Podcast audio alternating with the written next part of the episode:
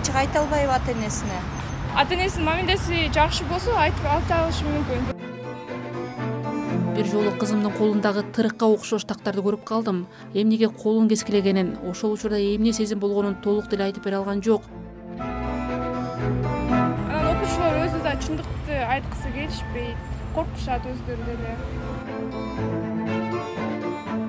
Э, в моей прошлой школе меня булили из-за того что я выгляжу как мальчик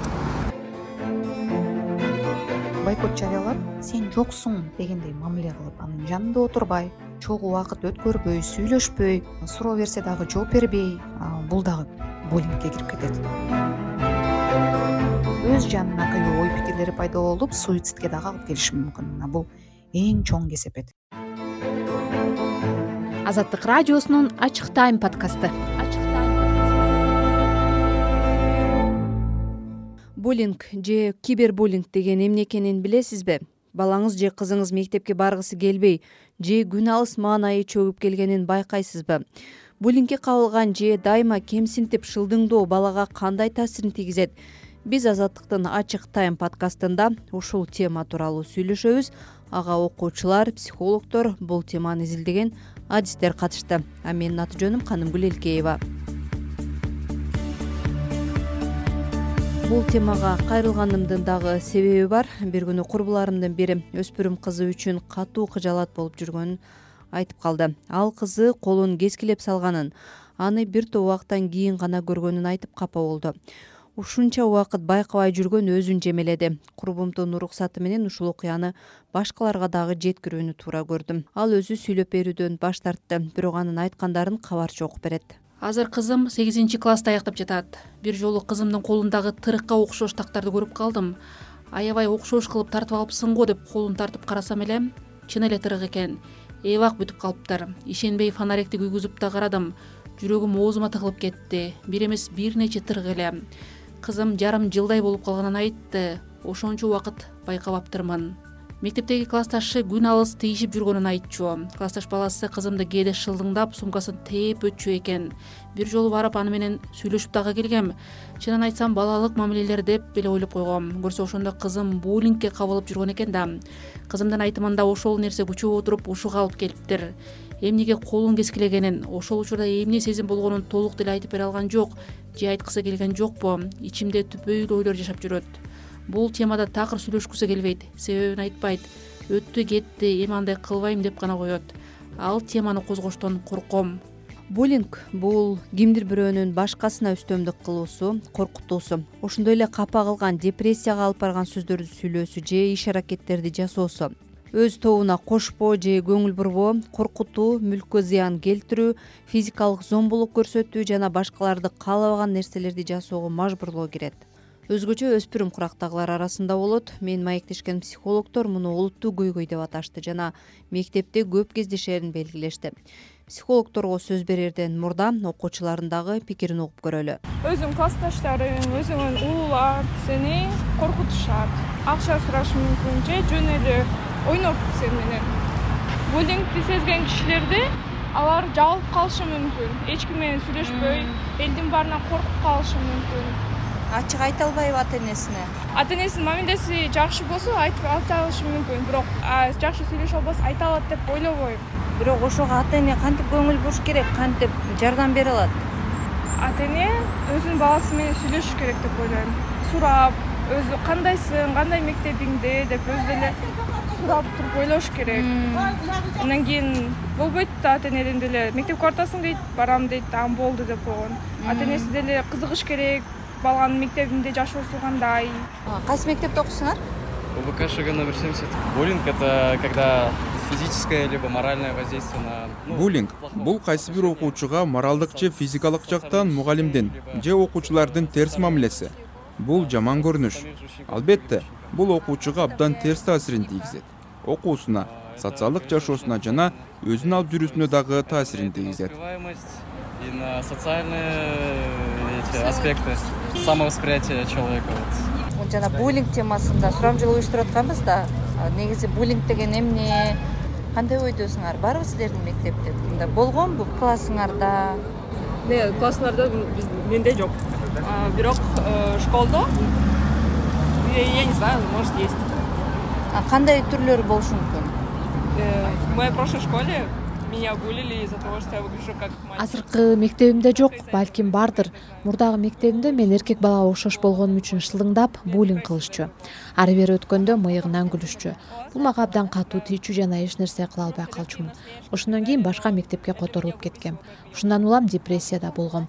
Ал кезде мен сегизинчи класста болчумун. Азыр тогузунчу класстамын. Ата энеме ачык эле айтып келгем. Ошондуктан алар башка мектепке которушту значит ушундай бар бирок не так серьезно если родители вообще в целом это могут заметить потому что балдарына буллинг болуп жатканын байкаган ата энелер деле бар. Бирок азыр балдардын көбү ачылып айта беришпейт.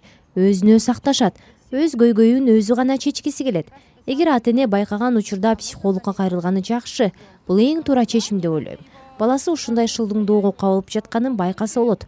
Анткени андай баланын эч нерсеге көңүлү чаппай калат психолог аида жанышбекова бул түшүнүккө кенен токтолот ал көбүн эсе өспүрүмдөр алардын ата энелери менен иштейт. Түшүнүккө кайрыла турган болсок буллинг бул бир адам тарабынан же болбосо бир топ тарабынан башка бир адамга көрсөтүлгөн улам кайталанган терс иш аракеттер. Биз адамды түртүп уруп тепкилеп буюмдарын ыргытып кийимдерин жыртып ушул аракеттердин баары буллингке кирет. Андан кийин сөз менен мазактап шылдыңдап түрдүү лакап аттар менен айтып кемсинтип аны ал жөнүндө улам ушактарды таркатып жалган жашыкты айтып башка түрү болсо көрмөксөнгө салып мисалы изоляция деп коебуз бул дагы аябай көп учурайт. Бойкот жарыялап жанында отурбай чогуу убакыт өткөрбөй сүйлөшпөй суроо берсе дагы жооп бербей сен жоксуң деген мамилени жасагандай э мына ошол бул дагы буллингке кирип кетет буллинг негизги төрт түргө физикалык вербалдык виртуалдык жана социалдык болуп бөлүнөт. Мунун баары жабырлануучуну ыңгайсыз кылып маанайын түшүрүп суицидке чейин алып барат дейт психолог айжамал исамидинова бул вербалдык көбүнчө сөздөр менен мазактоо да окуучуларды кандай кийим кийип келди сырткы баланын мисалы көрүнүшү кебетеси дагы мисалы дене боюнча кээде мазактоо болот же инвалид болобу. Мисалы бир бала бир баланы сен абдан семиз экенсиң атаңа окшоп же сен басканың бир аксап басат экенсиң көбүнчө ушу балдар бири бирине сөз менен мазактоо кетет да. Социалдык буллинг бул бир баланы бир ошо мектептеги окуучулары классы кошпойт да физический буллинг бул болсо уруп сабоо жөн бараткан балага мисалы бутун чалып жыгылтып же боор менен уруп же бир нерсе менен артынан чабып же портфелин жулуп кетип ошондой буллингге туш болгондо ошонун баарын өзүнүн ичине катып жүрүп чыдабай эч кимге айтпай коркуп суицидке дагы барат. Сиз угуп аткан ачык тайм подкасты биз бул жолу буллинг же кибербуллинг. Анын кесепети туурасында сөз кылып жатабыз. Менин аты жөнүм канымгүл элкеева. Чыр чатак менен буллингдин айырмасы эмне? Психолог аида жанышбекова балдар өз маселесин өзү чечсин деп жөн койгон ата энелер көп болоорун ушул эки нерсени адаштырбоо керектигин белгилеп жатат. Балдар урушат да өздөрү чечип алышат маселени чечип алышсын өз алдынча болгон жакшы деп көп учурда адашып калышыбыз мүмкүн. Албетте конфликттер боло берет. Конфликттен туура чечип алуу конфликттен туура чыгуу бул дагы жакшы бир жөндөмдүүлүк сөзсүз өнүктүрүшүбүз керек балдарыбызды эгер буллинг болгонун аныктай турган болсок анда сөзсүз класс менен чогуу иштешибиз керек. Конфликттен айырмасы эмне? Бул тараптардын күчтөрүнүн бирдей болбогондугу. Алсыз тарап бар бул жабыркаган тарап жана күчтүү тарап бар бул агрессор. Бул атайын жасалган иш аракет атайын план түзүлүп анан дайыма кайталанып турган. Бир эле жолу болгон болсо муну буллинг деп айта албайбыз конфликт деп айтып кетебиз. Ошондуктан кайрылып кетким келет бул жерде биздин урматтуу мугалимдерибизге ата энелерибизге мектеп администрациясына. Эгер буллинг бар болсо бул бир класстын кесепети бир бул класстын оорусу демек агрессор менен дагы жабыркаган тарап менен өзгөчө анан күбө болгон тарап менен дагы сөзсүз түрдө иш чаралар жүргүзүшүбүз керек куугунтукка коркунучка түшкөн бала мектепке баргысы келбейт. Ал дароо эле ата энесине мисалы мен башка мектепке которгула мектепке күнүгө ар бир шылтоону издеп психологиялык жактан дагы ошол балада окуучуда өзгөрүүлөр көп болот дагы. Ошону эң биринчи жолу ата эне да байкаш керек. Ар бир ушул бала бир жери колу тутулдубу же бир нерсеси жоголуп келдиби же кийимдери кир болуп келдиби балким бул баланы сагыштыбы кыздар болсо ошол учурда классташ кыздары кошпогондо дагы ыйлаак унутчаак бир бир нерсеге кирип кеткендей болуп ата энеси менен да көп сүйлөшкүсү келбейт. Ошон үчүн буллинг сыяктуу көрүнүштөр болбош үчүн бул класс жетекчи дагы көбүнчө сабактарды класстык саатта мындай маалыматтарды берип балдарга кеңири таратыш керек деди биздин маектешибиз психолог айжамал исамединова кыргызстандагы юридикалык клиникалар бирлиги өткөн жылы окуучулар арасындагы буллинг боюнча изилдөө жүргүзүшкөн. Ага төрт жүздөн ашуун ар кандай курактагы окуучулар жыйырмадай мугалим катышкан. Сурамжылоого катышкандардын бир бөлүгү мугалимдер өздөрү кээде билип билбей кайсы бир окуучуну кемсинтип буллингге түрткү берип коерун айтышкан. Изилдөөдө таштанды терип иштеген окуучу мугалим урушкандан кийин классташтарынын буллингине кабылганын айткан аталган ассоциациянын долбоорлорунун координатору юрист наргиза жеңишова буларды айтып берди. Кээ бир окуучулар айтып кетишти ошо мугалимдер өздөрү билип билбей кээде ошо буллингге кабыл алуу үчүн кандайдыр бир түрткү берип калышы мүмкүн деп. Мисалы класстын ичинде башка окуучулардын арасында ошолордун көзүнчө бир мугалим окуучуну шылдыңдап же урушуп койсо ошол окуучу дагы башка окуучулар тарабынан кибербуллингге же буллингге кабыл алышы мүмкүн деп жазгандыр да. Ал эми кибербуллинг деген эмне? Акыркы жылдары соц тармактардын өнүгүүсү менен бирге кибербуллинг деген түшүнүк дагы жайылып кетти. Өзүнүн аты эле айтып тургандай бул соц тармактар аркылуу электрондук почта аркылуу адамды мазактап шылдыңдап аябай терс негативдүү комментарийлерди улам улам жазган иш аракеттерди кибербуллинг деп коебуз. Изилдөө жүргүзүлгөн эң көп кайсы соц тармакта кибербуллинг жүргүзүлөт деп? Твиттерде тогуз пайыз ютубта он whatsappта он эки снапчатта отуз бир фейсбукта отуз жети жана эң көп учураган соц тармак бул инстаграм кырк эки пайыз деп аныкталган. Деди психолог аида жанышбекова окуучулардын көбү кибербуллинг тууралуу маалыматы бар экенин айтышкан тегинен көбү өздөрү же жакындары ага кабылганын билдиришкен. Кыргызстандагы юридикалык клиникалар бирлигинин өкүлү юрист наргиза жеңишова мугалимдердин мамилесин айтып берди. Изилдөөнүн жыйынтыгында окуучулардын көбү кибербуллинг эмне экен деген суроого жооп бере алышкан. Бирок ошол эле учурда кибербуллингге кабылдыңар беле десек жарымынан көбү го дейм. Ооба деп жооп берген. Алар же болбосо алардын тааныштары кибербуллингге кабылгандар деп жооп беришкен. Мугалимдер болсо ооба билебиз дейт.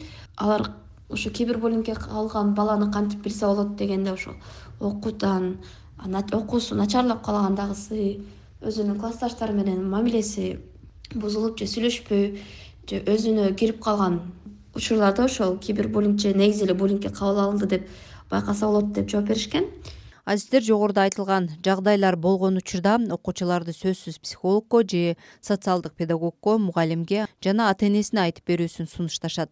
Ата энелер менен мугалимдерди балдардын абалына көз салып турууну эскертишет. Жабыркаган тарапка эң көп чындыгында чоң травма кесепеттер көп болот бул биринчи эле өзүнө болгон ишеними жоголот адамдын. Өз баалуулугу төмөндөйт ар кандай психосоматикалык оорулар пайда болот. Кыз балдар көбүнчө жардам алгысы келип кайрылышы мүмкүн. Ата энеси менен бөлүшөт. Же болбосо мугалимине айтышы мүмкүн өзгөчө эркек балдардын арасында мен айтпайын айткым келбейт. Айтсам алсыз болуп калам өзүм чечейин чече албасам анда чыдап жүрө берем деген дагы учурлар көп кездешет өзгөчө балдардын арасында эркек балдардын арасында. Башка кесепети социофобия пайда болушу мүмкүн балдарыбызда. Бул дагы эң чоң кесепеттердин бири. Негативдүү тажрыйба жашаган үчүн бул өзү каалап турса дагы адамдар менен жакын мамиле түзүүдөн адамдарга чөйрөгө аралашуудан коркуп мамиле түзүүдөн баш тартып калуусу.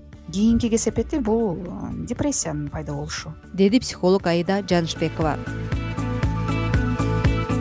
Уйкусу бузулат аппетити бузулат мотивациясы төмөндөйт окууга болгон кызыкчылыгы жоголот эч ким менен сүйлөшкүсү келбейт жада калса өз жанына кыюу ой пикирлери пайда болуп суицидке дагы алып келиши мүмкүн. Мына бул эң чоң кесепет эң чоң залакат.